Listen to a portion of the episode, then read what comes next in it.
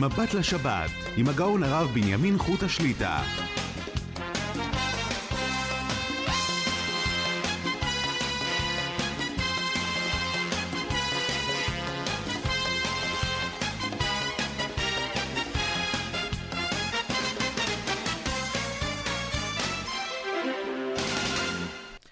שלום וברכה, ברוך השם נפגשים לשעתיים מבט לשבת, ערב שבת קודש, פרשת ויחי.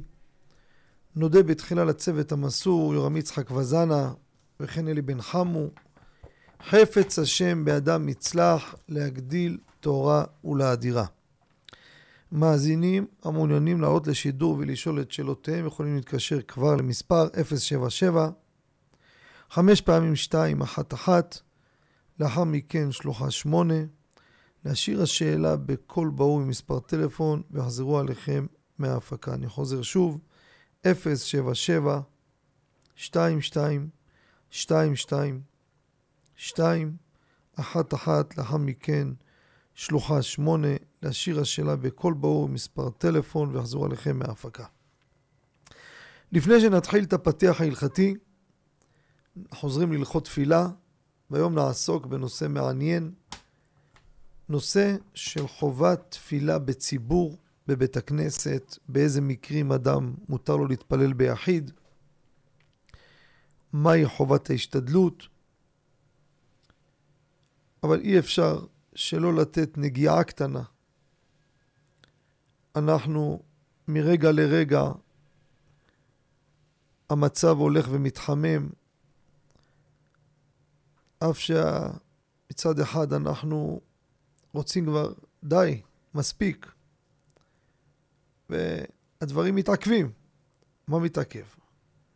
רוצים כבר שופרו של משיח. אקרא לכם כמה שורות מרבנו בכי על פרשת שמות, פרשה הבאה, פרק ה', פסוק כ"ב: ודע כי ענייני הגלות הזה, אני אקרא בדילוגים, כן? גלותנו זה האחרון שאנו עומדים בו בשעבוד ואיסורים וכולי, ואנו מצפים לישועת השם יתברך, כמו שאמר דוד המלך, נפשי להשם משומרים לבוקר, שומרים לבוקר. ממתינים וחוזרים וממתינים. ואם תתח... תתאחר הגאולה לבוא, הכל להוסיף לנו שכר טוב ולהיטיב אותנו באחריתנו. וכדי להוסיף פורענות ועונש לאותם המשתעבדים בנו. הוא מסביר באריכות כמה זה דומה ליציאת מצרים. כי מצאתך מארץ מצרים, ערינו נפלאות. וכאשר יתקרב הקץ, תהיינה צרות רבות ומתחזקות והוא סימן הישועה לישראל. כמו שאמרו במדרש, כי יבוא כנהר צר רוח השם נוססה בו. אם ראית דור שצרות רבות באות עליו, כנהר, חכה לו. ממש כנהר. אתה רואה מכל הכיוונים, הולך ומתחמם.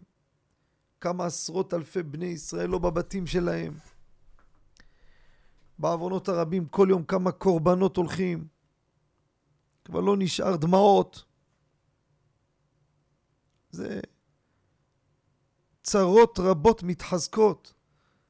אבל רבותיי, הדבר היחיד שבאמת נותן תקווה, ואני שומע את זה גם כן מהורים של אותם קורבנות, מעט שיצא לי לפגוש.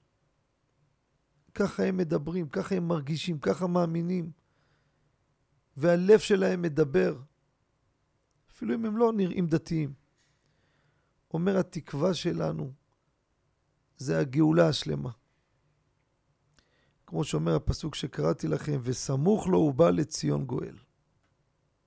בתהילים מ"ו פסוק ב' אלוהים לנו מחסה ועוז, עזרה בצרות נמצא מאוד, על כן לא נראה בהמיר ארץ במות הרים בלב ימים. אומר הרד"ק, ביות הצרות והם חבלי משיח, יהיה לנו מחסה ועזרה. מה זה מאוד? כי העזרה תהיה רבה בהינצל גוי אחד כמו ישראל מעמים רבים. על כן לא נראה, לא נפחד. הוא דרך משל על המלחמות החזקות שתהיינה בין העמים. ממשיך המצודת דוד ואומר, כשתחלף הארץ מהשקט לרעד, שתראה את הרעש ואת הרעד, לא נראה, לא נפחד. וחשוב שנחזור על זה ונחזור על זה ונחזור על זה. אתם בבית תחזרו ביניכם לבין עצמכם. תחזרו על זה בבני הבית, שאנחנו בוטחים רק בקודשה בריחו. רק בקודשה בריחו. לא לתת לפחד לתפוס אותנו. אני אספר לכם משהו אישי ככה. התלבטתי, אני נזכר ואני צוחק. לפני כמה חודש ומשהו, עוד בזמן שאחרי השם ישמור הטבח הנורא, מה זה פחד. אמרתי, אני יוצא מוקדם, לפנות בוקר, אני נוסע לקבר רחל להתפלל בנץ שם. לפעמים אני נוסע לשם. קם מוקדם, זה היה אזור ארבע ומשהו. אומר לעצמי, מה מסוכן? הכביש הזה מביתר, שמשמור זרקו שם כל מיני בקבוקים, עכשיו לילה, אף אחד לא עובר, יראו את האוטו, יזרקו חס שלום. מסוכן, למה? תשב פה, תשב ושב, תלמד. אמרתי לעצמי, מה? אני מכניס לעצמי פחד? ויש סיבה לפחד. אני לא אפחד. אני אצא ולא אעזור בית דין, אני עכשיו מתארגן ויוצא. אני בא לצאת מהבית. פתאום אומר, אולי חס ושלום, איזה מחבל מחכה מחוץ לבית, אז עם כל התקופה של הטבח. לילה חושך, אף אחד לא ברחוב, אני הראשון שיצא. תאמינו לי. אמרתי, אני יוצא, אני פותח את הדלת, יוצא, מוזיז את הראש ימינה, מישהו עומד מולי, ארבע לפנות בוקר. בא אחד בא לשטוף את המדרגות, עומד עם הפלאפון מולי. אני בטוח אם הייתה אישה בהיריון הייתה מפילה באותו רגע. מה חשבתי? מיד הלב כזה, והמשכתי. אין, אני פשוט צוחק מה שהיה. רבותיי, אני לא סתם מדבר מה אני אומר. אני שומע כל הזמן. זה אומר אשתי בזה, בזה, וכל אחד. למה? יש אחד יחיד ומיוחד, רק הוא. הוא יושב על ההגה. הוא עושה את הכל, הוא מנווט את הכל. והשתבח שמו עשה לנו הרבה חסד, ניסי ניסים בלי גבול. בלי גבול. ועוד סיפורים שמגיעים, אני כבר לא מספר האמת. שלשום, איזה סיפור לא יאומן מתוך עזה. אני לא מספר, חבל הזמן, צריך ללמוד. כל זה להראות לנו, אל תפחדו. לכן רבותיי, לא להיבהל משום תרחיש שיהיה. אף שאנחנו שומעים גם היום בצהריים התקדמות והתחממות מהצפון, הקדרה רותחת ומבעבעת, אבל באמת, בשכל אני מדבר, יש פה אחד שרק הוא עושה הכל. הוא. אף אחד לא עושה שום דבר. לב מלכים ושרים ביד אדוני. רק הוא ישים בליבו של נסראללה. אם הוא מחכה לסימן, גם סימן ניתן לו. אומות העולם קיבלו נביאים, היה להם בלעם, הכל זה בסדר, אנחנו מאמינים בזה. אם קודשה ברכו יחליט, ומה שיחליט לפי מה שכתוב בנבואה, שהעולם ימשוך אותם לתוך הבלגן כדי לרסק אותם בעזרת השם. וזה התהליך, רבותיי. אין לנו איפה לברוח. למי שלא איתנו כל שבוע, לפני שבועיים קראתי פה גם חתם סופר וגם אורות אלים, שתיהם מילה על מילה. אומר, אתם רוצים גאולה? רוצים ישועה? זה מותנה במלחמות ובלגן. אם אתה מתפלל לשקט ושגרה ושלום, דע לך, אתה מבקש להמשיך לחיות בגלות המרה והמרירה והאיומה ונוראה הזאת. ואם תבקש גאולה, ביקשת מלחמה. כמו שגמר אומרת, מלחמות התחלתא דגאולי. דגאולה הוא. אז אם זה התוכנית וזה המערך, אז אנחנו צריכים סך הכל לדעת. ברור לי ששום חייל בעזה לא נבהל ששומע פגזים. הוא נמצא בזירה שיש פגזים. הוא נמצא במקום שיש פיצוצים. אז הוא ישים איזה אוזנייה באוזן. הם שומעים שם מהבוקר עד הלילה רק פיצוצים. הוא נבהל מפיצוץ פשוט לי שלו. יכול להיבהל אם יראה איזה הפתעה חס ושלום. מחבל. אבל פיצוצים לא, כי הוא יודע שזה הזירה. אנחנו נמצאים בזירה הזו. שאתה יודע מה הזירה, אין לך מה לפחד. יודיעו לך בעוד חמש דקות הפסקת חשמל. תפחד עם קפוץ החשמל? לא, אמרו שעוד חמש דקות הפסקת חשמל. רבותיי, זה התקופה שלנו. אין לנו, זה אל חזור. זה לא צריך להיות חכם לומר את זה, ולא נביא ולא בן נביא. נמצאים בתוך מערבולת שכבר מכל הכיוונים. ובוטחים רק בקודשה בריחו. אלו הקברניטים, אלו שיושבים בכנסת, כנסת הטמאה הזו, תראה מה הם מתעסקים כולם, כל המשחקים וקרבות שלהם ותחרויות. ו... הם, אנחנו לא, בכלל לא שמים חשבון להם, לא חושבים עליהם בכלל. אדרבה, אם הם היו באמת רציניים ולא עושים טעויות ואין עליהם הרבה קופות שרצים, אז היה לנו קשה מבחינת הניסיון לפתוח בקודשי הבריחו. יש פה בני אדם, אין במי לפתוח. אין. רק בקודשי הבריחו, ולהתפלל על חיילינו השם משמריהם וחיים שמוסרים גוף ונפש. רק הם. תראו, תשמעו בתקשורת שלהם כבר, רשמי פרסומות. האזרחים לקחו את הניהול של המדינה. זה מה שהיה באמת. מי עמד והציל? רק העם. עדר ללא רועה.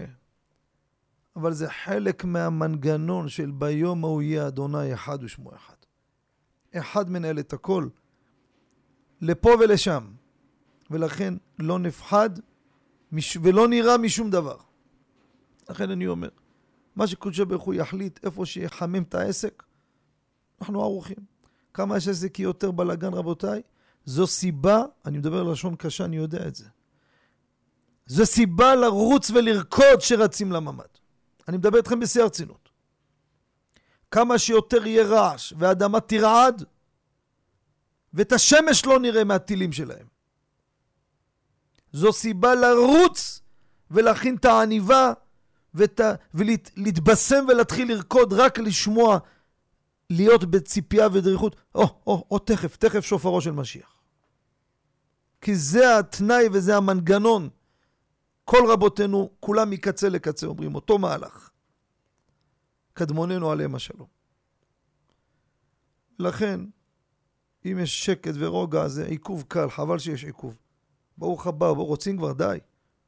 די. כמו אותה אחת, רוצה כבר ללדת. ויש לך עכשיו שקט, שבי בשקט. לא, לא רוצה שקט, תעשה לי טובה, אל תשגע אותי, תן לי כבר ללדת. אבל גברת, עכשיו יש לך הפסקה בין הצירים, תשבי, תשתי קפה. לא רוצה, רוצה כבר לגמור. זה חייב למשיח. זה אנחנו רוצים. זה האמת. זה צורת חיים, זה רוחניות וגשמיות. איפה? כל הכיוונים. ניסי ניסים בלי סוף, אין ספק. אבל היום אנחנו כולנו מרגישים כחומר ביד היוצר. על כל פיפס ופיפס, על כל נקודה ונקודה. קודשי בריחו, השגחה והחלטה ומנהל, הוא לבדו את הכל. אין אדם נוקף אצבעו מלמטה, אלא אם כן מכריזין עליו מלמעלה. אנחנו באמת, באמת, באמת בובה לכל דבר. הכל נשים על בטריות, היא עומדת על רוח שהקדוש ברוך הוא הכניס, נותן לך ללכת ולדבר ולדרוש, הנה יושב פה בובה עכשיו מול מיקרופון ומדבר ומדבר ומדבר, בובה. ולמי מדבר? לבובות. כולנו בובות. ויש אחד בלבד שמנהל את התיאטרון הזה. זה קודשה ברך הוא מלך מלכי המלכים, הקדוש ברוך הוא. לכן, מאזינים יקרים, אני חוזר ונחזור, תהיו חזקים. תמשיכו להיות חזקים. תהיו בהיקון. שום דבר לא יזעזע אותנו בעזרת השם. קורונה היה פחד נוראי, אתם זוכרים מה היה בערב פסח. לא, אנשים לא ידעו איפה... חנויות רוקנו. שום פחד, הנה קודשה ברוך הוא מנהל את הכל, וברוך השם הכל בסדר. לא לפחד. פחדו בציון חטאים. אדם יש לו פחדים שידע, הוא צריך לעשות תשובה לנקות את החטאים שלו. הוא מחזיק כל מיני דברים בעייתיים, אז זה מפריע לו, שיעשה, ינקה, ינקה, ינקה את השטח. זה לשים לב לדבר. אנחנו ניגע בעזרת השם בנושא של תפילה, רבותיי, בציבור בבית הכנסת. כהקדמה אני רוצה לומר לכם, שתנדע, רבותיי, כמה כמה חשוב הדבר. שנדע את זה פה עד 120 שאדם חי, שלא יקבל את ההפתעה אחרי 120, יגיד, וואי, לא ידעתי את זה. כותב הבן איש חי, בהקדמה לפרשת מקץ, שנה ראשונה, בדיוק הפרשיות שלנו. תפילה בבית הכנסת, מעלתה פי עשר מתפילה בבית. קודם כל שתשמע, אם אתה מתפלל בבית, תדע מה אתה מפסיד. שלא אחרי 120 לא, אל תבוא, תראה, רגע, איך יכול אותו, הוא קיבל ככה, אני ככה. אדוני, שמעת את התוכנית של חוט המבט לשבת? ערב שבת ויחיד תשפ"ד? אמרו לך. אבל חכה, לא גמרנו. אותו בן איש חי, בבן יהוידע, על מסכת ברכות דף ח', כותב, תפילה בעשרה, במניין, המשקל שלה, תשמעו טוב טוב מה הוא אומר הבן איש חי רבותיי, איש חי לא זורק סתם מילים. שקולה, המשקל שלה, כמו תפילה של אלף בני אדם שמתפללים כל אחד לבד. בוא נצא לרחוב, נאסוף אלף יהודים שמתפללים ביחיד שחרית, קח את כל התפילות שלהם, תשים על המאזניים, יושב בן אדם עכשיו, הלך בבוקר בבאר שבע, בשיכון ו', שיכון ד', תתפלל בתפילה במניין, דע לך התפילה שלך, כמו אלף אנשים שהתפללו ביחיד. שנבין מה מדובר. כותב הרב פפו בחסד לאלפים. תפילה חוץ לבית כנסת דומה לשחוטי חוץ. בבית המקדש יש שחוטי פנים וחוץ. זה אחרת לגמרי, שנדע את זה רבותיי. תפילה בציבור, לשים לב לדבר. יש מקרים של אונס, דוחק, ומי שרוצה, כמעט כולם, מי שירצה באמת, יזכה. רק לשנות את הראש. הכל מתחיל מהראש. זה אנחנו אומרים את זה לילדים, נגיד את זה גם לעצמנו. אל תספר סיפורים, עבודה לא עבודה. אם היית רוצה, יש כמוך עוד עשרות אלפי, אלפי עובדים, ואף פעם לא מפסידים תפילה במניין. ותשאל רב איך לעשות. יש מניין פועלים, יש מניין נץ, יש מניין יותר מאוחר איפה שאתה נמצא. מי שירצה, אין דבר העומד בפני הרצון. זה הפתיחה לנושא של תפילה במניין. גם זה מנחה, ערבית, תפילות שבת. לא דיברת עכשיו על זמן תפילה, לא זמן קריאת שמע, עזוב. קם מוקדם, מתפלל בבית ויוצא. תראה איזה הפסד מסכן. לא חבל? כל עוד שהנשמה בקרבי, תראה שמה, מה אתה מרוויח. פי אלף, פי אלף. עשית בבית כנסת פי עשר מתפילה לא בבית כנסת. תראה מה, מה מדובר. איזה, איזה, איזה עוצמות. כותב רבי מאיר פפירש, מקובל. מאיפה הבאתי את זה? הייתי בשבת בשכונת רמות בירושלים. מצאתי איזה קובץ שנקרא קובץ ארזים. חלק א', עמוד נ"ה, הביאו הנהגות, כנראה מכתב יד של מקובל רבי מאיר פפירש. כך הוא כותב, אני אומר לכם מה הוא אומר, אני לא... ראיתי שם, אני כתבתי את זה, בעזרת השם יצא באבנית תפילה חלק ב'. אומר על פי הסוד, תפילה ביחיד מסוכנת. תראו מה זה. כמה חשוב שאנחנו צריכים לדעת את הדבר הזה. עכשיו, יש מקרים, לדוגמה, לא עליכם, לא עלינו עד 120 לכולם בבריאות, יש מישהו בבית כנסת, יושב שבעה.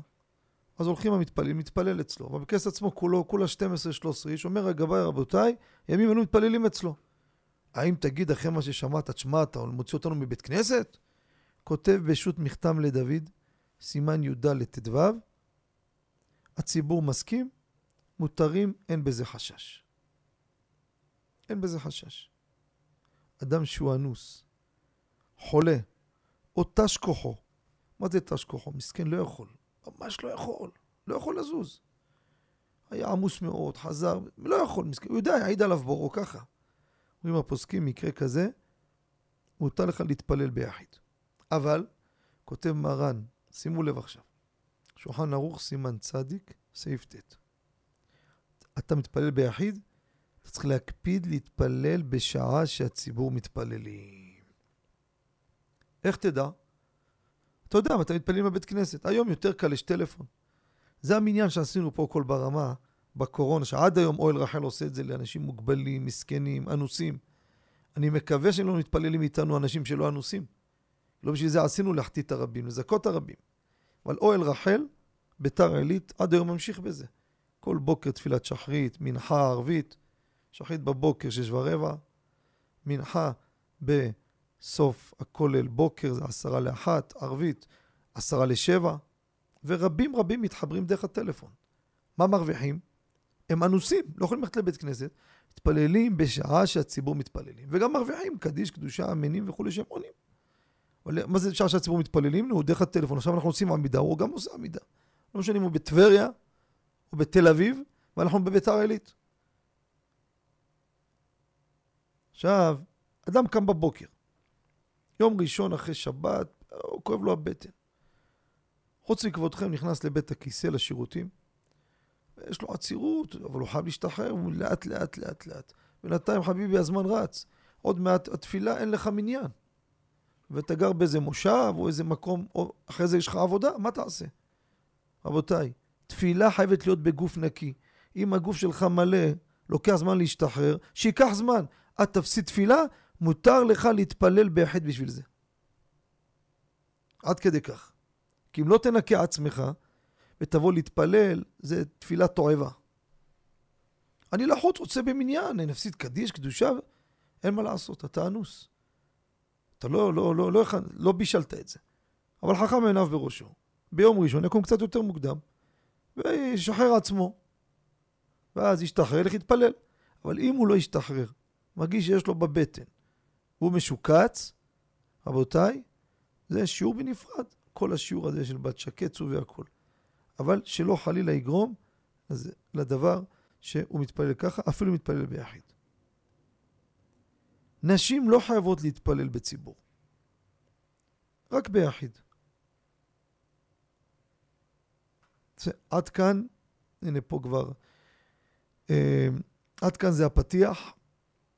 אני בעזרת השם מיד אחרי הפתיח, לפני שנעלה את המאזין, אני אדבר על הארגזים פלסטיק של תנובה, ברוך השם דיברתי עם הרב של תנובה, הרב וייטמן, ולנו תשובה עדכנית, מוסמכת, אה, לגבי השאלה של מאזינים שמוצאים ארגזים של תנובה או מקבלים ממי שהוא, אם אפשר להשתמש או לא, זה נדבר מיד.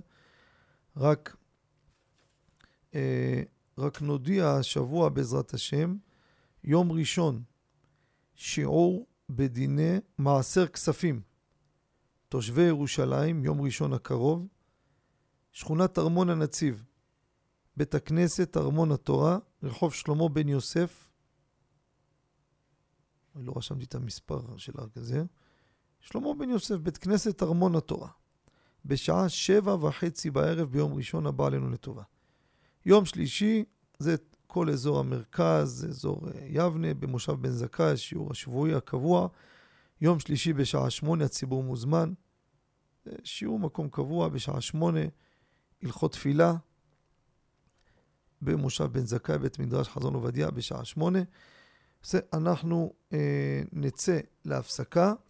אתן שוב את הטלפון למאזינים, 077 חמש פעמים שתיים, אחת אחת, לאחר מכן שלוחה שמונה. להשאיר השאלה בקול ברור מספר טלפון, נחזור אליכם מההפקה, אני חוזר שוב, 077 חמש פעמים שתיים, אחת אחת, לאחר מכן שלוחה שמונה. תשאירו את השאלה עם מספר טלפון, יחזרו עליכם מההפקה. נצא להפסקה, מיד נשוב למאזינים המחכימים, בבקשה. אתם מאזינים ל"מבט לשבת" עם הרב בנימין חוטה. שבנו מההפסקה, לפני שניגש למאזין. אה, אני אמרתי בעזרת השם עד השבוע, נקבל תשובה מוסמכת וניתן תשובה אה, עדכנית. מאזינים שאלו, עלה מאזין ושאל, וגם כל הזמן בתקופות הרבה השאירו את השאלה, עד שאמרתי אני אבדוק את העניין. יוצא שאתה מקבל או מוצא ברחוב ארגז פלסטי קשיח, משהו טוב, של תנובה, של החלב, האם יש פה השבת אבדה? האם להחזיר אותו לתנובה? מה עושים? אז אני פניתי לרב של תנובה, והוא פנה למנכ"ל שאחראי על כל התחום הזה. ואכן, כמו שגם המאזין שבוע שעבר שאלה וסיפר שנשרף להם מחסן ותנובה גבתה את הכל, כל ארגז שאתם רואים אותו זרוק ברחוב, מי שקיבל אותו מתנובה וזה נעלם לו, הוא משלם לתנובה. תנובה לא מוותרים לאף אחד על הארגזים. זאת אומרת, הארגז הזה קודם כל לא שייך לתנובה. אז מה נשאר? שייך למישהו פרטי. אין סימן בארגז, כל הארגזים אותו דבר, אין שם כיתוב או שם או משהו. או זה לא נמצא ליד איזה מכולת או משהו שאתה מבין שזה שלו. מצאת את זה ליד פח זבל, מישהו פינה דברים, הרי אלו שלו. מי שמוצא את זה, זה שלו לגמרי. אין שום עניין להביא את זה לתנובה, רבותיי. זה לא שייך להם בכלל. למה? כשהם נתנו את זה פיקדון לסופר או למכולת, וזה עבד ממנו, הוא שילם להם את ערך הארגז. וממילא זה כבר לא שלהם, נשאר פה סוגיה של השבת אבדה, של מי שאיבד, אין סימן, אין סימן, המוצא הרי אלו שלו. לכן כל מי שמוצא ארגז, אין לו מה לחשוש, ייקח אותו לבית, יחבר את זה, כמו שאמר המאזין, לאופניים של הבן שלו, בתור ארגז סבלות, ואין בזה שום חשש, וזו התשובה המוסמכת שהרב וייטמן של תנובה נתן לי השבוע, שגם המנכ"לים אומרים שחד משמעית זה כבר לא שייך לתנובה. נעבור למאזין, שלום וערב טוב. שלום הרב, אה, ערב טוב. שלום עליכם. כן. אני מקווה שזה המאזין שהבטחנו לו להיות ראשון. כן, כן, כן. ברוך השם. מבטיחים ומקיימים. ברוך השם. אה, יישר כוח לרב על כל השיעורים ועל התוכניות. תודה לכם. ואנחנו מאוד מחכימים. Uh, השאלה הייתה, אני אזכיר בקצרה את השאלה. השאלה הייתה לגבי מיני בר של נביאות, מי עדן, שיש את הבקבוק, המכל הזה ששמים ומחליפים, הכד הזה כן. אז השאלה הייתה האם מותר להחליף את הכד בשבת. הרב אמר שיש בזה שאלה של מבשל. יפה. אז אני, אז אני באמת אגע, וכמו שאמרתי, נסביר למאזינים.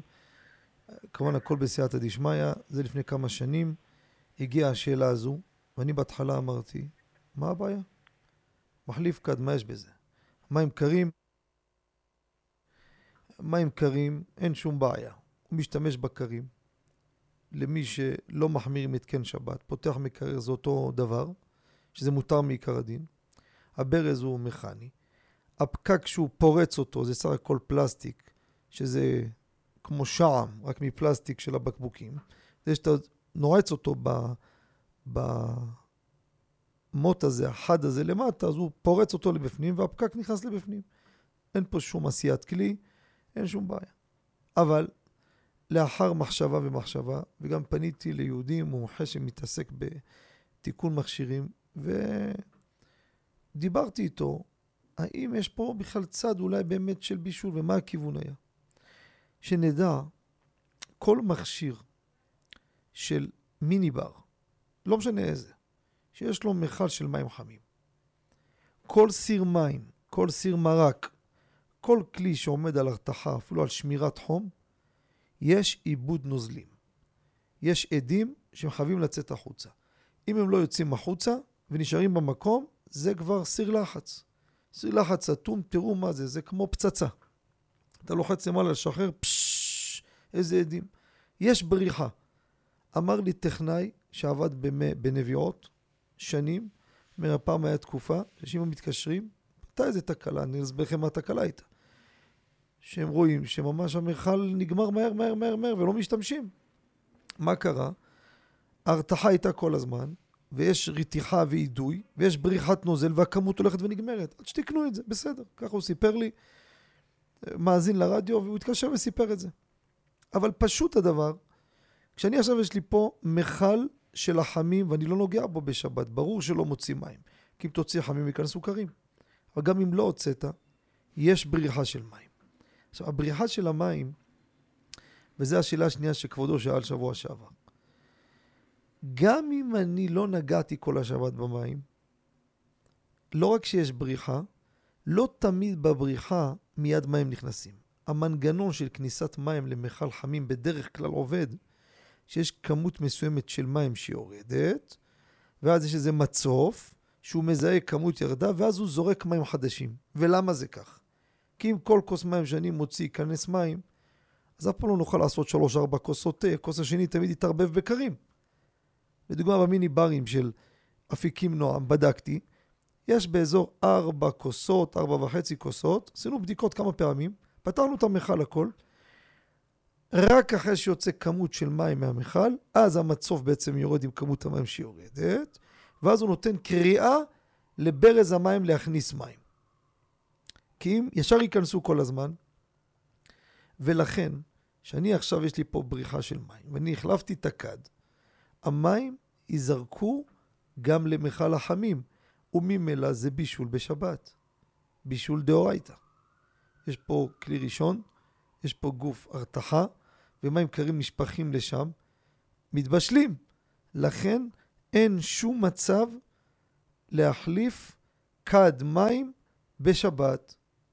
רק אם ניתקת את החמים לפני שבת, שימו לב, ואני יודע, זה חשוב שנדע את זה, שהמים כבר לא יד צולדת, הם לא 82 מעלות. כי אם הם רותחים, ונשארו עדיין מלפני כמה שעות, כי ניתקתי רק סמוך לשבת למשל, את החמים, נגיד שאפשר, ניתקתי לגמרי, אבל המכל הוא מלא מים חמים. עוד פעם יזרק מים לשם, אני מבשל.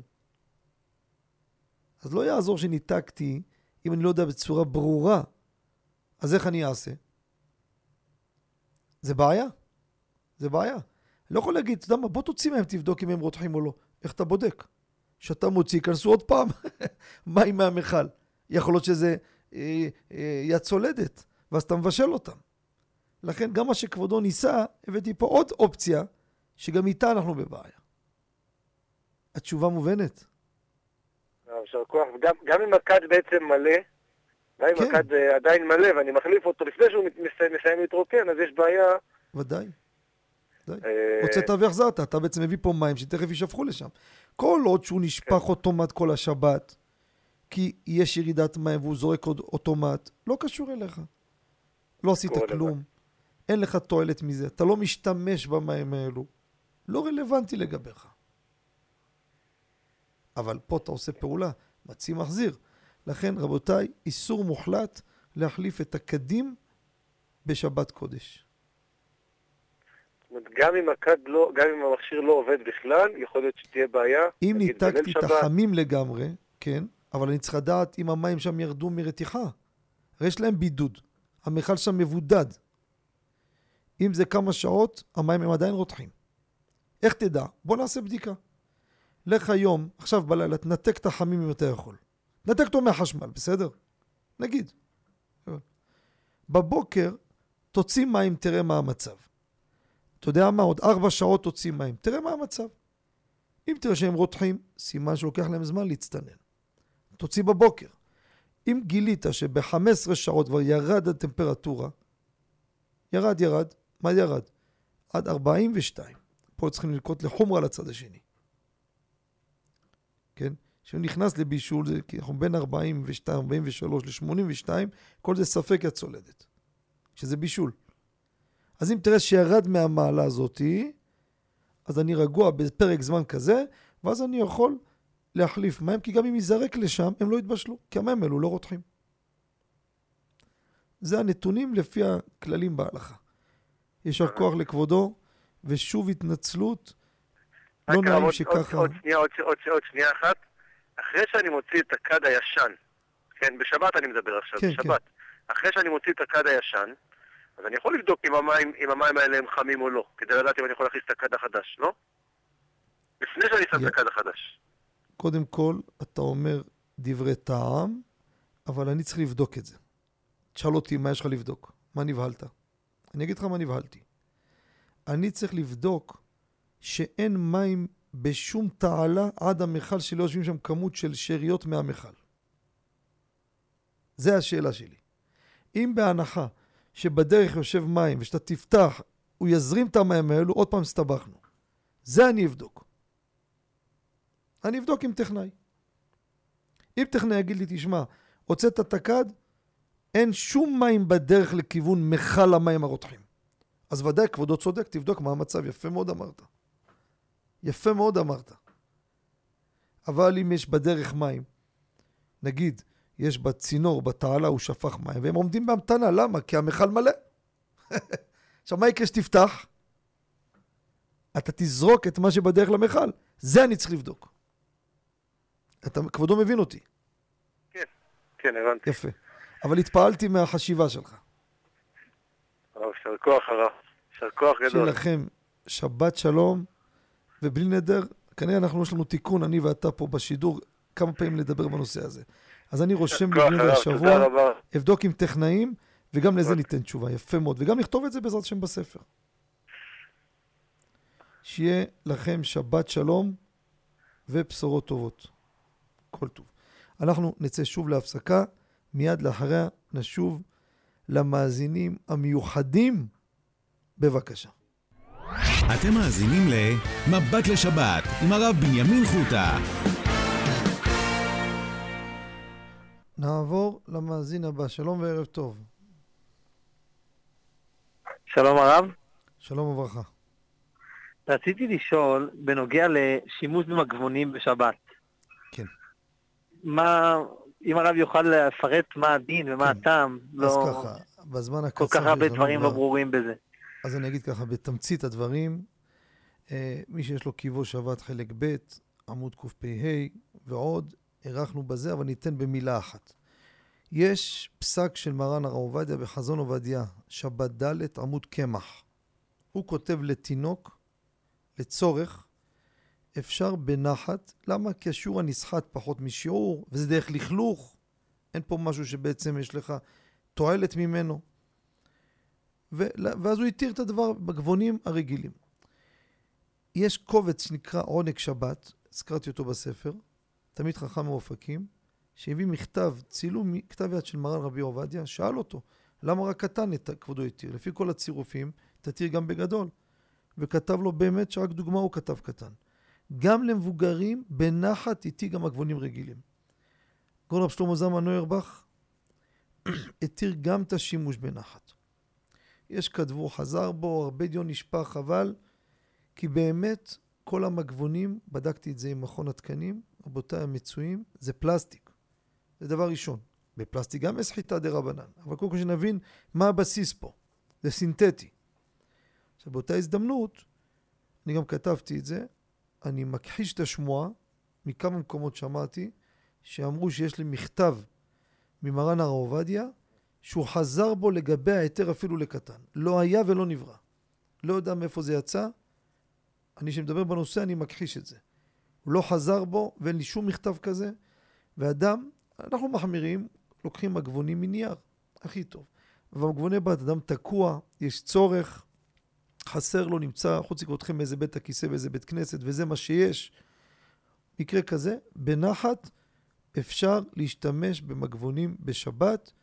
הבאתי לכם את המקורות, תראו את הדברים שם בהרחבה, כי אנחנו פה כבר צריכים לסיים את השעה הראשונה, אז שיהיה לכבודו יישר כוח, ושיהיה לכם שבת שלום ומבורך. כן, אנחנו מתקרבים לסיומה של השעה הראשונה.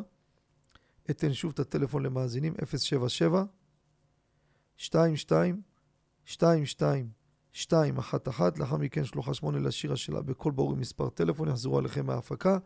אני חוזר שוב 077, 5 פעמים 211, לאחר מכן שלוחה 8. מיד לאחר החדשות, פינת מחברי הספרים, ומיד לאחר מכן כל המאזינים ברצף בעזרת השם עד סוף השעה הבאה, בבקשה.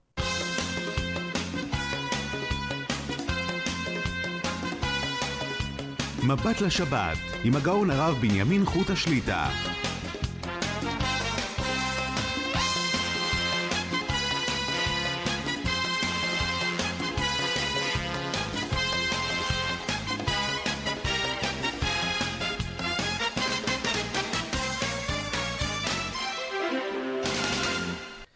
שלום וברכה, שבנו לשעה שנייה מבט לשבת, ערב שבת קודש, פרשת ויחי.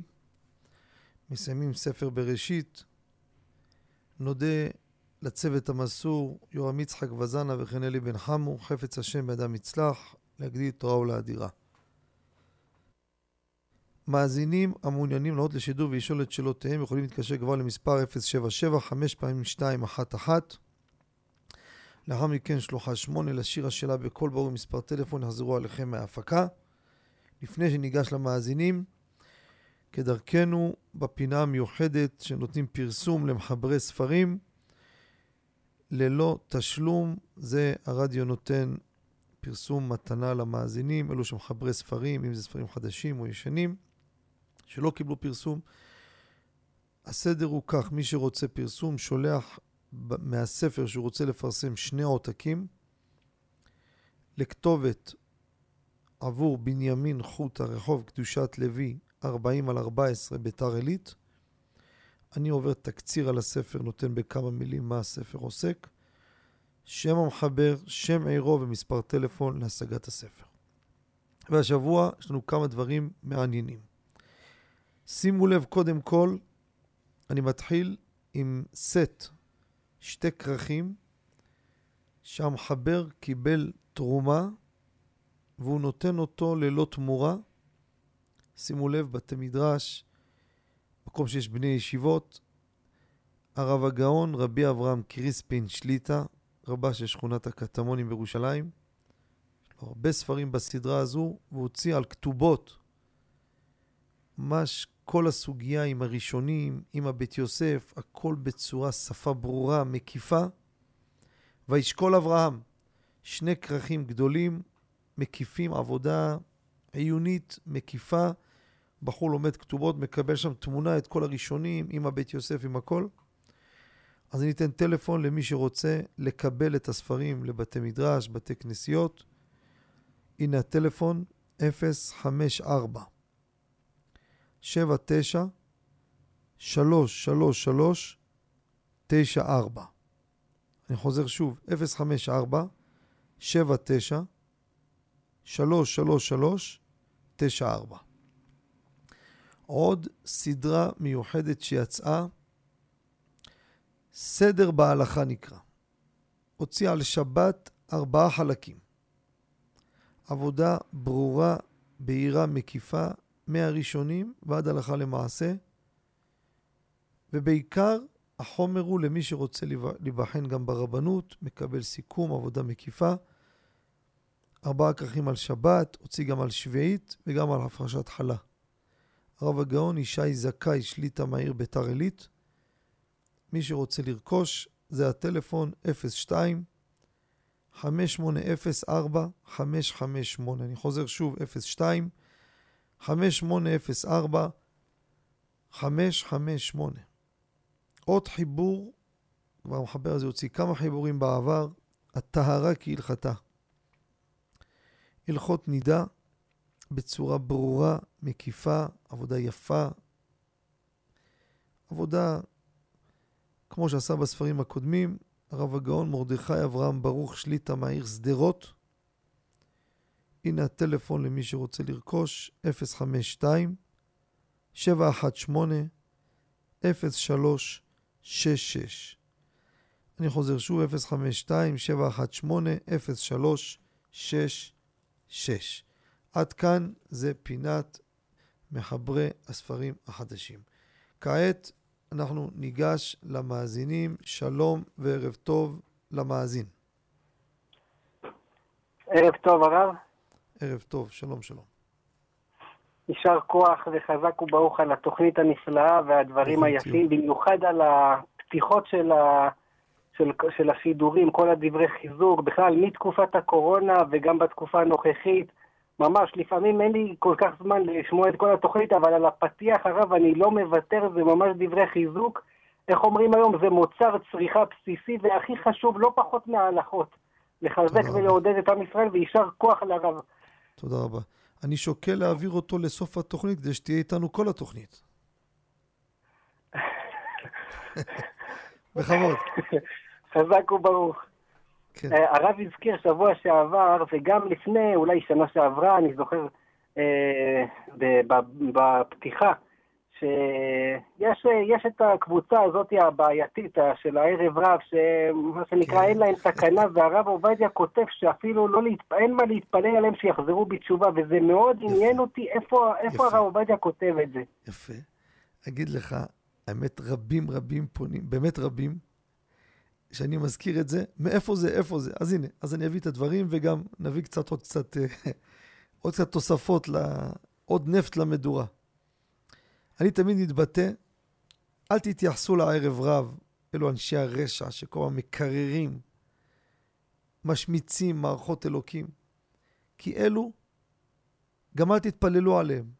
אין סיכוי שיחזרו בתשובה. מאיפה הבאתי את זה? אז תשמעו טוב.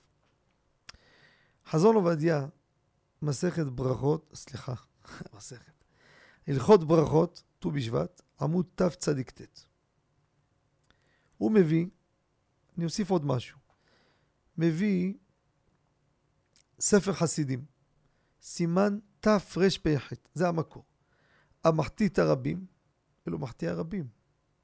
אנשי התקשורת, הטלוויזיה, מביאים, משמיצים, מרחיקים אנשים מהיהדות. אין מתפללים עליהם שיחזרו בתשובה. כי לא יועיל והרי זו תפילת שווא. עכשיו הרב מביא, בדרך אגב, דבר מעניין. וזה העידוד רבותיי, תקשיבו טוב טוב. שאף אחד מעם ישראל לא יאבד חלילה שמישהו מזרעו ירד חס ושלום מהדת. אבל קורה לפעמים זה ירד קצת או משהו, תשמעו טוב. ישות מעיל צדקה. הוא מביא אותו גם כן לפתחי תשובה, ידוע, סימן זין. אחד, לא עליכם, לא עלינו, בנו המיר דת. המיר דתו. פרש, לא רוצה להיות דתי. הסתפקו התלמידי החכמים אם להתפלל עליו. מה היה הדיון? בא האבא אומר, תפללו. הוא ממש להתפלל. הרי הכל בידי שמיים, חוץ מיראת שמיים. יראת שמיים תלוי באדם. זה לא מהשמיים. אתה תחליט איך להתנהג. אז מה יעזור שנתפלל? שאלה חזקה. דנו שם החכמים, בכלל להתפלל לבן אדם שירד מהדת. למה? הכל, זה, זה לא משמיים. הוא מחליט. אם הוא מחליט, מה רלוונטי? מביא שם את דברי רבנו ארי בפרי עץ חיים, שער העמידה, ברכת, בברכת השכיבנות. תשמעו מה הוא כותב רבותיי, וזה חשוב שאנשים ידעו את זה. רבנו הארי אמר לאיזה חכם שיצא בנו לתרבות רעה, אמר לו תתפלל על הילדים שלך בנוסח הזה, תשמעו את הנוסח.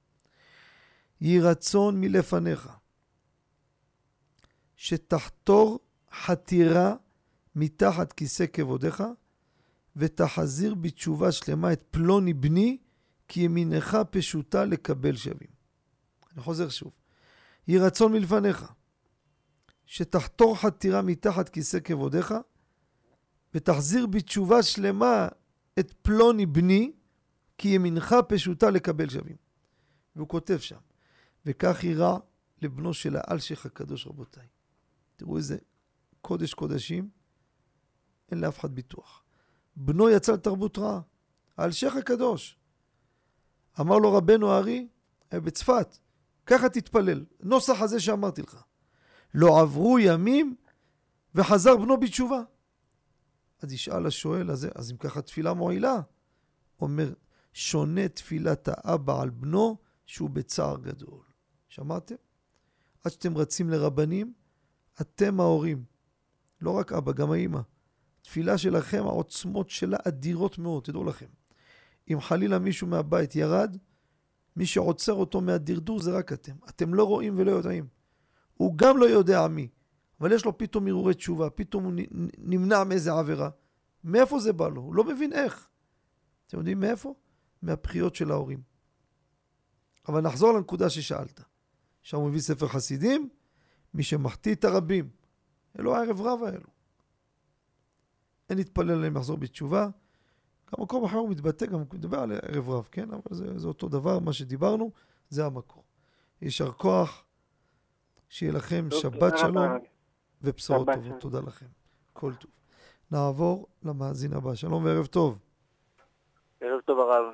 שלום עליכם. שלום עליכם, אה, יהיה הדברים יהיו נשמת מרת אמי. אה, בעוונותיי, אני התחלתי להגיד אה, לפני חודש וחצי קדיש על אמא שלי, והסתפקתי כי הייתי עושה, אני, לפעמים כשאני בשטיבלך למשל, אז אני הולך ממניין למניין, כאילו אני גומר את התפילה, הולך למניין ליד, אומר עוד כמה קדישים של סוף התפילה של המניין שאחריי וכולי, ומישהו אחד אמר לי, יכול להיות שזה לא מועיל, זה מזיק, רציתי לדעת מה, מה דעת הרב בנושא, ו, וגם רציתי, אם אפשר, שהתוכנית של הרב תהיה כל ערב. כל הערב, בוקר וצהריים שיהיה. שלוש אני פעמים מאמין ביום. שכל עם ישראל היה רוצה. כל פעם שעתיים. כן, אני אשן פה כבר, נגור פה, נביא את אשתי. שהרדיו שלי, אתה חושב? אם הרדיו יזמין אותי כל יום, אני מגיע. זה אני מתחייב. זה לפני הכל. יפה. מה אומר יורם? אתה שומע מה קורה פה? יורם צוחק. תגיד תודה שהחזירו את השעה השנייה, אתה רוצה כל יום. אנחנו חודש היינו רק שעה. בסדר. השאלה של כבודו שאלה חשובה מאוד. שואל המאזין, אני מדגיש בתוך השנה הראשונה. וגם אני אענה גם כן למי שמסיים שנה ואומר, תשמע, לעשות נחת רוח להורים, לעשות להם טוב, רוצה להמשיך אחרי שנה עוד לומר קדיש. והבאנו בזה בעלי בהלכת התשובה, ואני אתן את הדברים ככה בזריזות. החסד לאלפים כותב בסימן נ"ו אות א', בשם רבנו ארי. התועלת של הקדיש לעילוי נשמת הקרובים זה גם אחרי י"ב חודש, גם אחרי שנה. וכותב, לכן יצווה לבניו. ככה הוא ממליץ לבן אדם. בצוואה יבקש מהילדים שימשיכו לומר קדיש גם אחרי שנה. גם רבנו עובדיה, חזון עובדיה אבלות, חלק א' עמוד של"ו, חלק ג' עמוד של"ג. תראו את הלשון שלו. הקדיש תמיד מועיל לנפטר. תראו את הלשון, זה לא סתם אחריות בית חודש גם. תמיד. בפשטות, בפשטות, גם כשאתה לא משתייך למניין ואתה נכנס לומר קדיש לא נשמט אצל כבודו במקרה אמרת אימא, עליה שלום, זה מצוין. נושא של ריבוי בקדישים זה בתפילה עצמה שפתאום מוסיפים עוד. אתה מתחבר לקדיש שהציבור אומר אותו כבר. זה לא שהוסיפו פה קדישים בשבילך. אתה נכנס למניין, ויש לזה סימוכין, מי שיראה תשובה של משה פיינשטיין, יורד דעה חלק ד' סימן ס"א, ואני תפילה שיצא, חלק הראשון על תפילה, תראו עמוד רע"ז. לגבי קדיש, יש הבדל בין קדיש בתפילה לבין בלימוד. צריך שיעור בלימוד הקבוצה, וזו הסיבה שאומר רבי חנניה בן עקשיא אומר, למה? אה, יש עשרה. רבי חנניה בן עקשיא אומר, מה הרעיון? שעשרה פה למדו ואמרו דבר אגדה. מה האגדה? רבי חנניה בן עקשיא אומר, רצה הקדוש ברוך הוא לזכות את ישראל, לפיכך היא באה להם תורה מצוות שנאמר, אדוניו וצמא צדקו, הגדיל תורה וידיר. אה, הנה כל העשרה אמרו דבר תורה, עכשיו נגיד קדיש. בתפילה, גם אם לא היה והתחבר, יכול לומר. ולאו דווקא שהוא חלק מהמניין. לאו דווקא. תראו גם ביאור הלכה בקנ"ה, מביא שמה לגבי הקדיש שלא מעכב שלימוד דווקא בעשרה וכולי. כאילו איש אחר שלא למד, גם לגבי לימוד, לא למד יוכל לומר קדיש. חוזרים לאותה נקודה.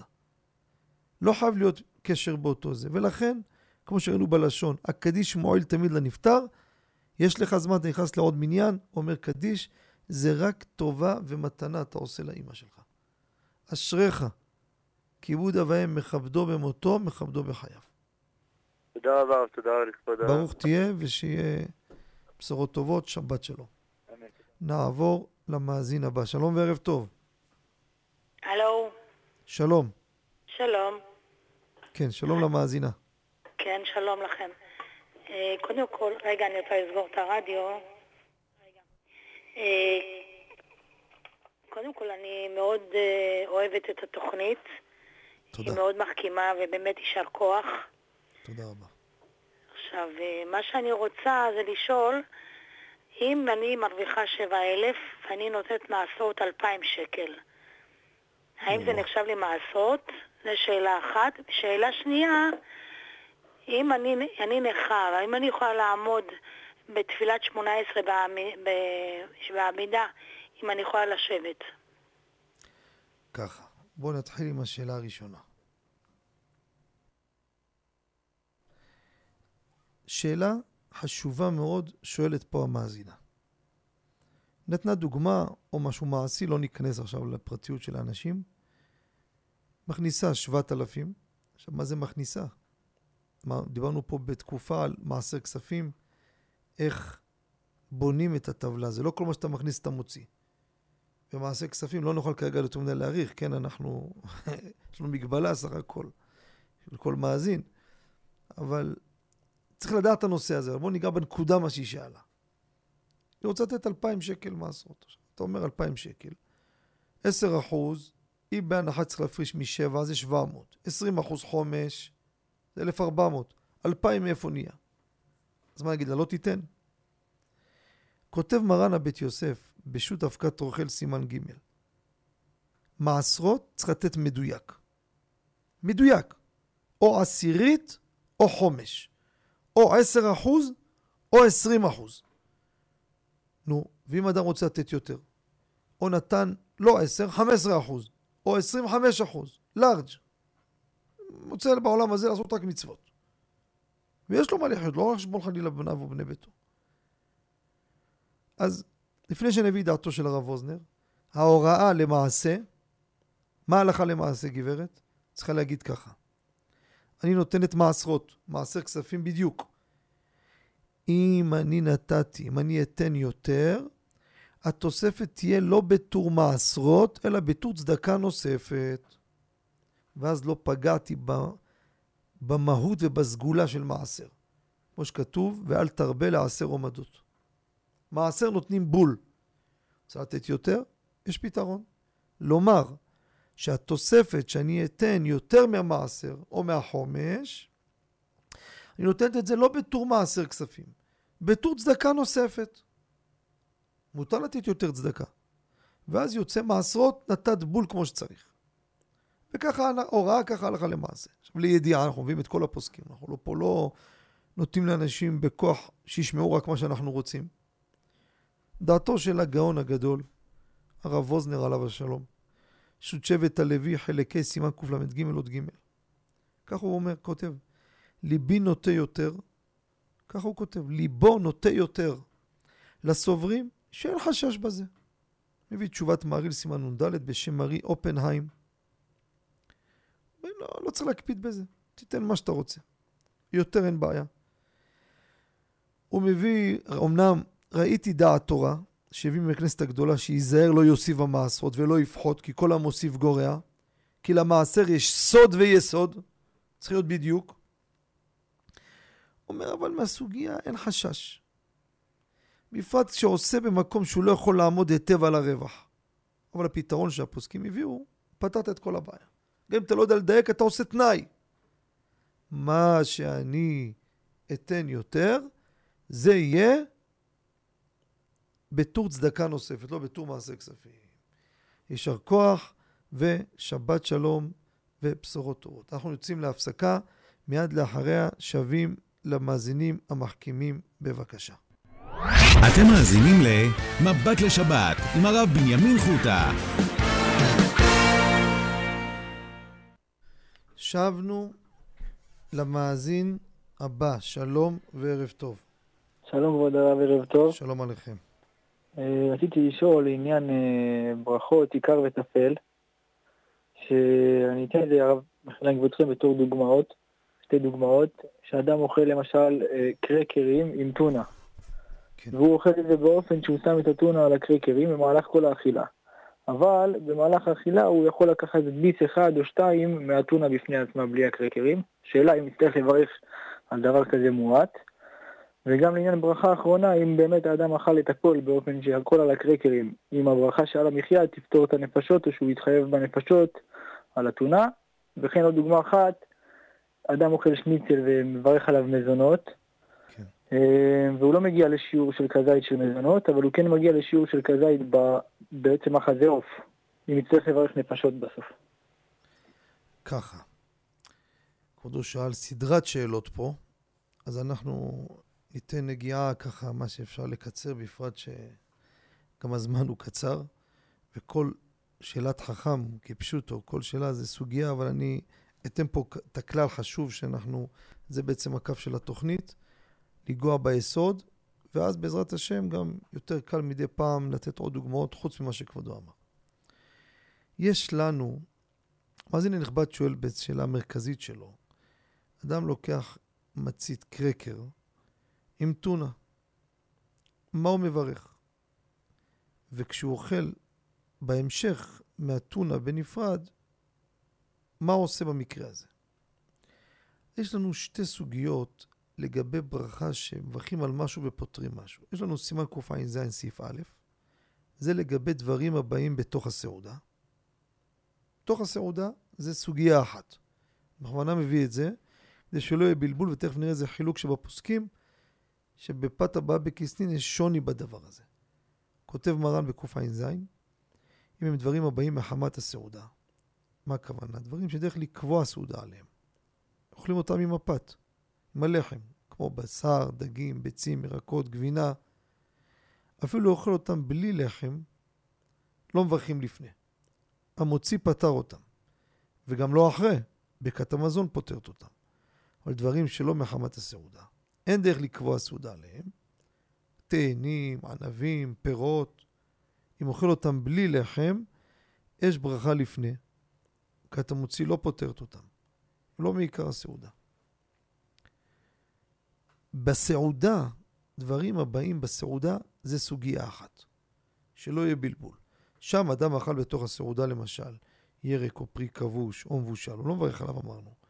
אבל אם הביאו לו בנפרד אחר כך, צריך לברך שוב, ברכה ראשונה.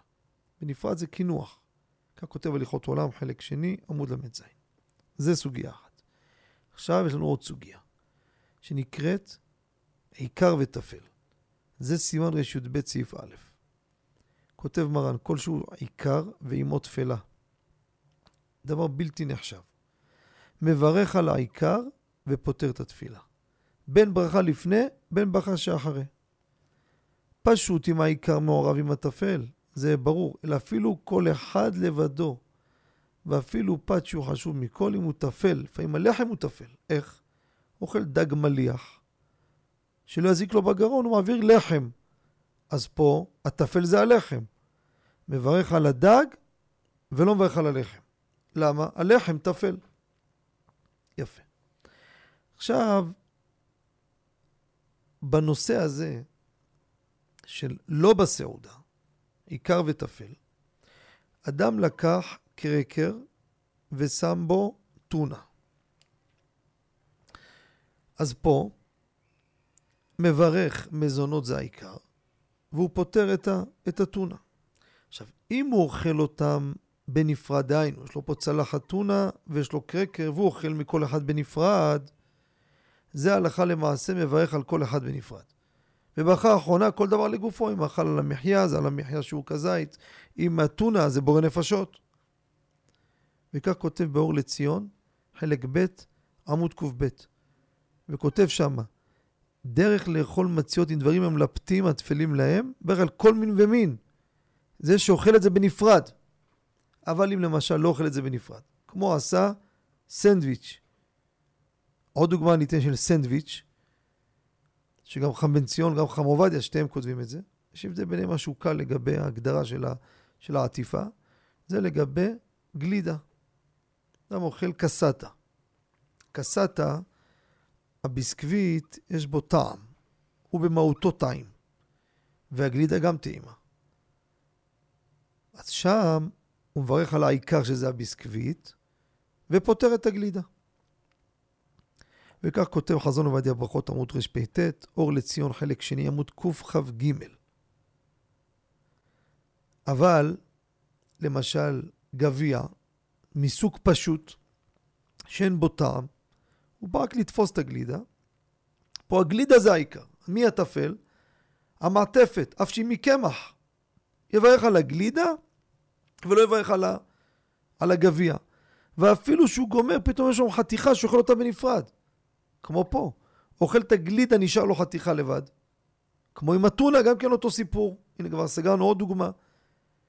או הפוך, אכל מהטילון, מה, מהמעטפת, בסוף נשאר לו למטה ריק, הוא אוכל אותו. לא מברך.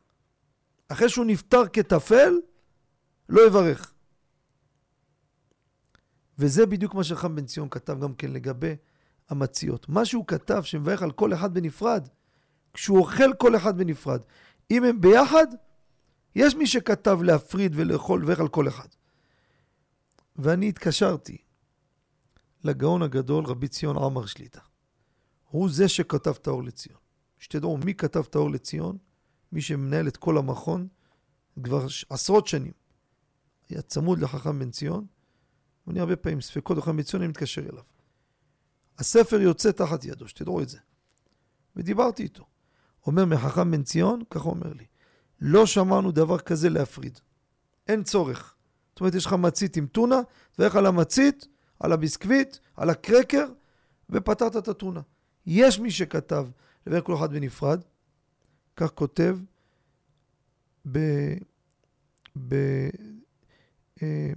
ב... השם שוט שלו ברח לי. אה, אוי אוי אוי. פשוט אה, לא בני... אוי, ברח לי השם. דברי בניהו. ברח לי. בחלק כ"ג, כך הוא כתב, שבנפרד, ככה הוא גם הכניס את האור לציון, אבל פשוט האור לציון, כמו שאמרנו, שמברכים על זה ופותרים. גם אם אכלת מהטונה אחר כך, תוך כדי אכילה, מעט טעמת מזה, אתה לא מברך עליה. זה בקצרה הלכה למעשה. יישר כוח ושבת שלום ומבורך. נעבור למאזין הבא. שלום וערב טוב. שלום כבוד הרב. שלום עליכם. תודה רבה על התוכנית.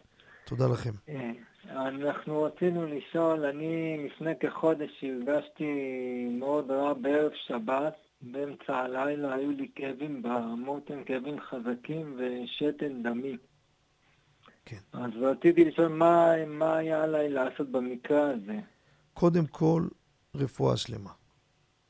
ופה המאזין מעלה פה שאלה גדולה מאוד, חשובה ביותר. שכולם יהיו רק בריאים, אבל קורה שאדם פתאום מופתע בשבת באיזה משהו חריג, לא סתם איזה סחחורת שהוא מדמיין משהו. יוצא לו דם, כאבים במותן. מה זה? השם ישמור, יכול להיות פה איזה דימום רציני, יכול להיות, יש לו ספק. אם יש לך מוקד סמוך, באזורים חרדים יש מוקד שבת עם גוי, הולך שם מיד, והרבה גם פעמים גם שם הוא יפנה מה שהוא יגיד צריך לעשות. אבל אם אין אפשרות, אמצע הלילה, אין מה לעשות, דבר ראשון, להתקשר למוקד מד"א. להתקשר למוקד מד"א. אם איזה מצב הוא לא... אה, זה, זה, זה כן, להתקשר. אפשר בשינוי, עדיף, אבל אם זה לחץ, לא לנסות להתעכב על דברים. יולדת זה שונה מספק פיקוח נפש. להתקשר. ואב יגידו שלא יודעים צריך להתפנות לבית חולים, רבותיי, ספק פיקוח נפש דוחה את השבת. לא לעשות משחקים. אתם יודעים כמה סיפורים אני שמעתי? אנשים שהתחכמו, כל מיני נרבים, נרבים זה עצבים וחומרות וחששות, ואיפה יש חששות? איפה שלא לומדים הלכה. ואז אולי ואולי ואולי, והנזק אחרי זה היה בלתי הפיך, ומסכן אדם נהיה לו נזק לכל החיים. אם זה סיפור של נמק והורדת עבר, דברים, סיפורים קשים, יכלו חד משמעית להציל את זה. דברים שיש בהם פיקוח נפש אני מדבר. למה? כל מיני אולי ואולי ואולי. אני גם בשבת, פעמים באים בבית, דופקים. הרופא אמר, תגיד, אתה נורמלי? לא, כי זה גוי. אתה, אתה, אתה שפוי. מה אתה שורף זמן? מי אליו עד אליי ברגל אתה בא בשביל לשאול אם לשמוע לו? הלכת למוקד, אמר לך בית חולים, תעוף לבית חולים, מה אתה בכלל שואל שאלות בכלל? ילד קטן, זה מסכן אותו? רבותיי, כמה שאתה מנסה להחמיר בשבת, אז אתה בעצם, לכאורה, כאילו מחמיר. אתה מקל גדול עד כדי עבירה בדיני פיקוח נפש. ופיקוח נפש יותר חמור משבת. אז תחמיר בפיקוח נפש. ולהחמיר בפיקוח נפש זה לא לקחת סיכונים. אתם יודעים, מי לנו יותר מחמירים מבריסק? אלו מייצרי החומרות. בדרך בדיחה אני אומר, פעם אחד האברכים שלהם הגיע לכולל בבוקר בשעה תשע. בא עם מחשב נייד, פותח, מכניס דיסקון כי מוציא. חשבו שאין לו במגע. מכניס, מוציא, מכניס, מוציא. עובר מישהו, תגיד לי, תשמע, אתה, הכל בסדר? כבר שעה אתה מכניס, מוציא. הוא לא, תשמע, שאני מכניס, כתוב על המסך, התקבלה חומרה חדשה. אני מאושר מזה. הם הכי מחמירים. וביום כיפור, וואי וואי, איזה קולות יש להם, הכי מקילים. שאלו לרב, לא שאלו לרב מבריסק, מה קורה פה הרב? כיפור, כרת? אמרו, אתם צודקים. אנחנו מחמירים בכל דבר. פה אני מחמיר בפיקוח נפש. טוב ששאלת, שיהיה מודעות. אם יש ספק, אני לא תקום פעמיים צרה, הייתי שבת בצפת. פתאום בשבת הותקפתי כאבים, משהו מחריד. ללא שום התראה, אתה לא יודע מה זה. אני מתקפל ומתקפל, מנסים לקחת כדור הרגעה, מקיא אותו.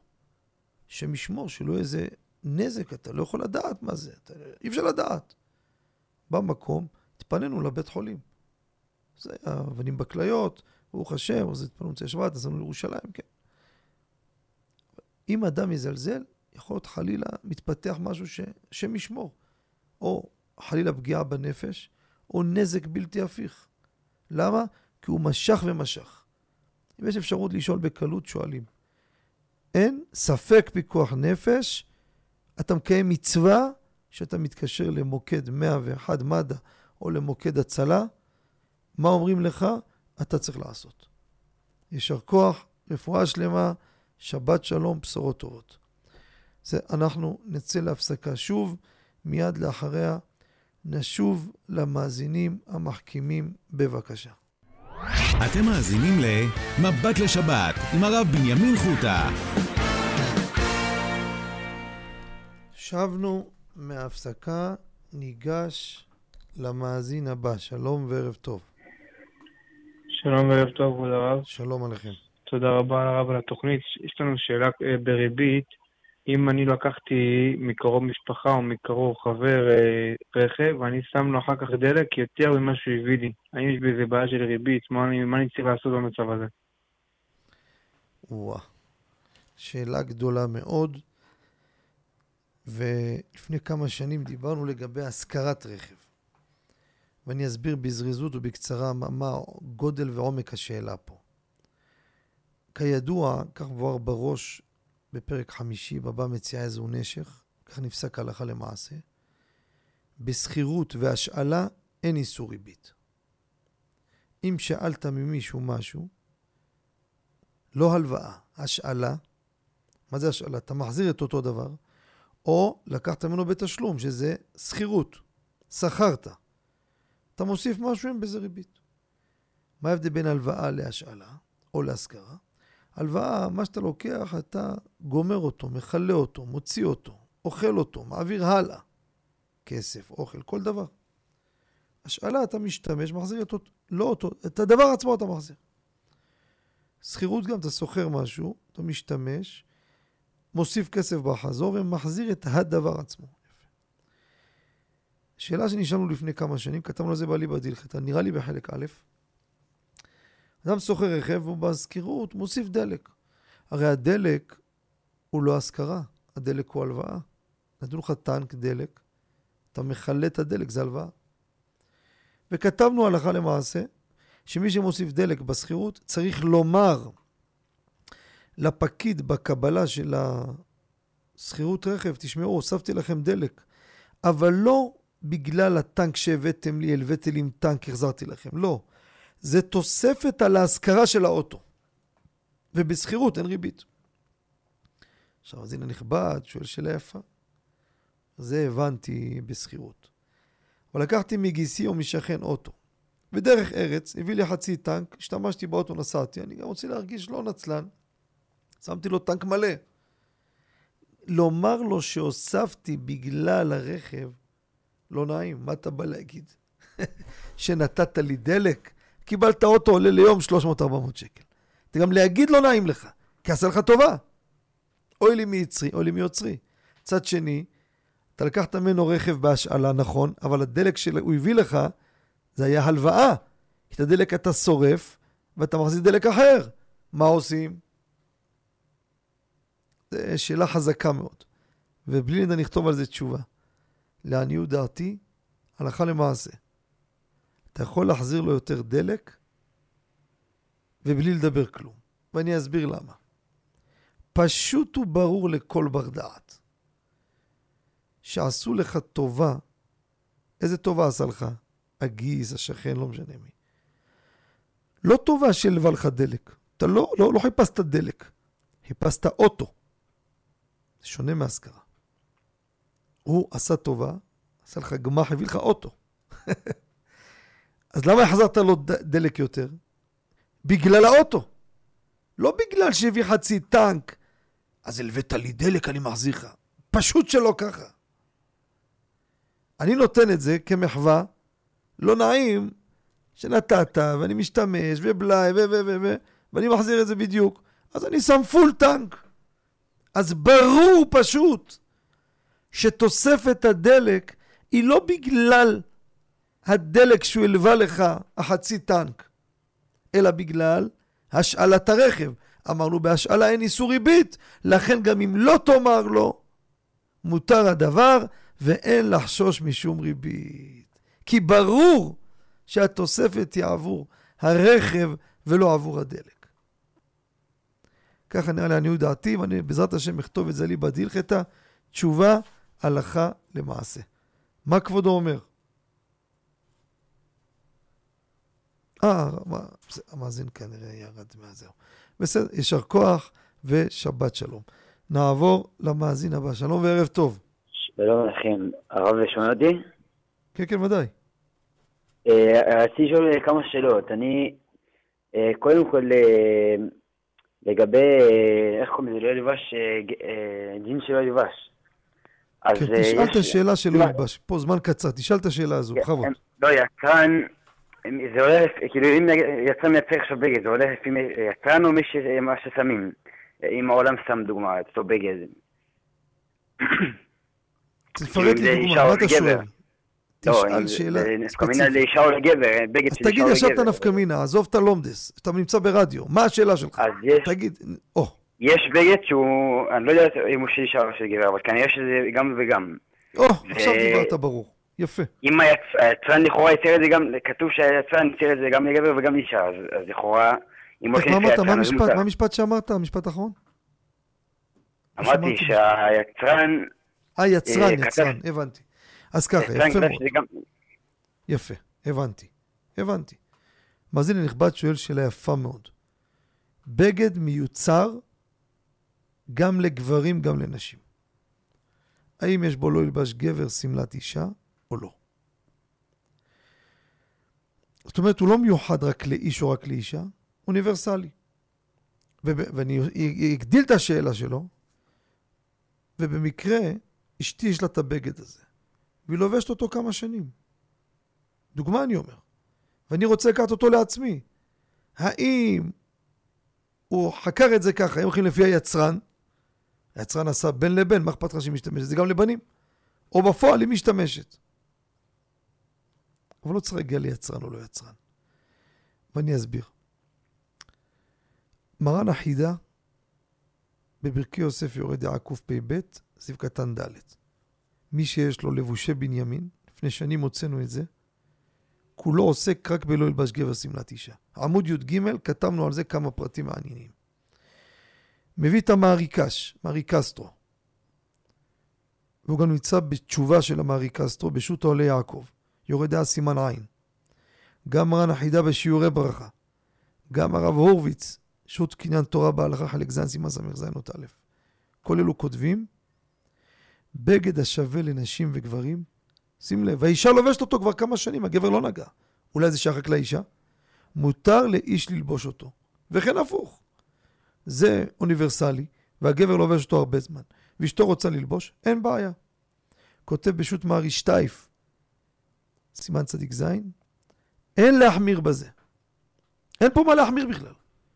זה לא שייך למין אחד שהוא ממילא מתקיים פה לא ילבש גבר שמלת אישה ולא יהיה כלי גבר על אישה.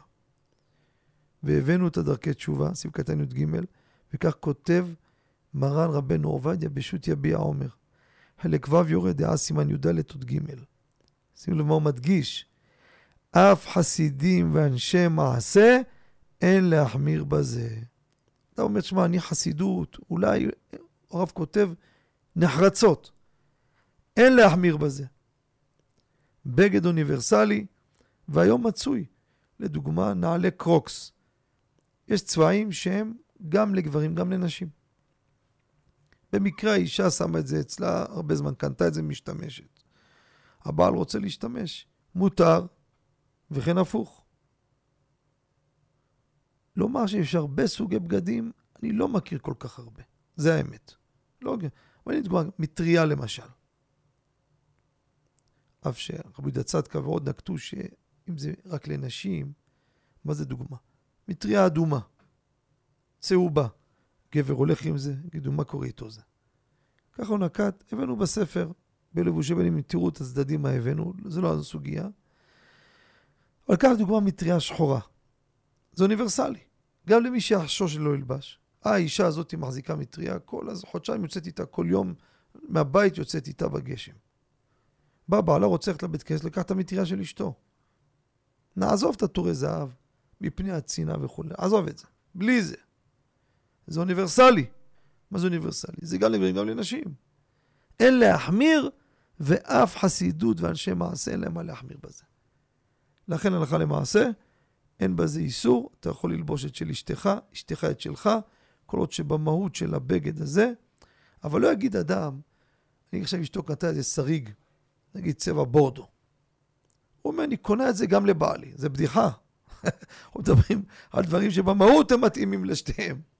לא שיגיד, אני הולך ככה. אתה יוצא דופן, זה של נשים. גם אם אשתך לא לבשה, יש בזה לא ילבש. זה דבר שמהותו גם לגם. יישר כוח, שיהיה לכם שבת שלום ומבורך. אנחנו מתקרבים לסיומה של התוכנית. נודה לצוות המסור, יורם, יצחק וזנה, וכן אליהו בן חמו. אני ממש מודה לכם מעומקה דליבה בשעות האלו להיות איתנו, ואני מתפעל, יורם, גם על ההקשבה שלכם. אני שם לב שאתם מונחים בכל השאלות והתשובות. כי אם אני לפעמים ככה זורק איזה קריאה בטוקבק לבני ברק, אתם מקשיבים ברוך השם. וזה, וזה חשוב מאוד, לא משחקים בטרפים שם. אז אנחנו נודה לכם על כל השעתיים שליוויתם אותנו. נודה למאזינים המחכימים, כמובן לרדיו. מעל הכל קודשה ברכו נתנו עוד שעתיים של תורה. רבותיי, כפי מה שפתחתי. איש את אחיו יעזור ולאחיו יאמר חזק. לחזק אחד את עצמו ואחד את השני. אין מה לפחד. תזכרו מה אומר לכם. יעבור הרעש הגדול הזה, איזה גדול שיהיה, שנזכה בקרוב לשופרו של משיח, אז ימלא שחוק פינו. נשב נתגלגל מצחוק, למה נבהלנו משטויות, זה סתם היה רעש, בומים של משחקים כל הרעש הזה. זה תיאטרון אחד גדול. שיהיה לכם שבת שלום, בשורות טובות, ונשתמע בשבוע הבא. שבת שלום וכל טוב.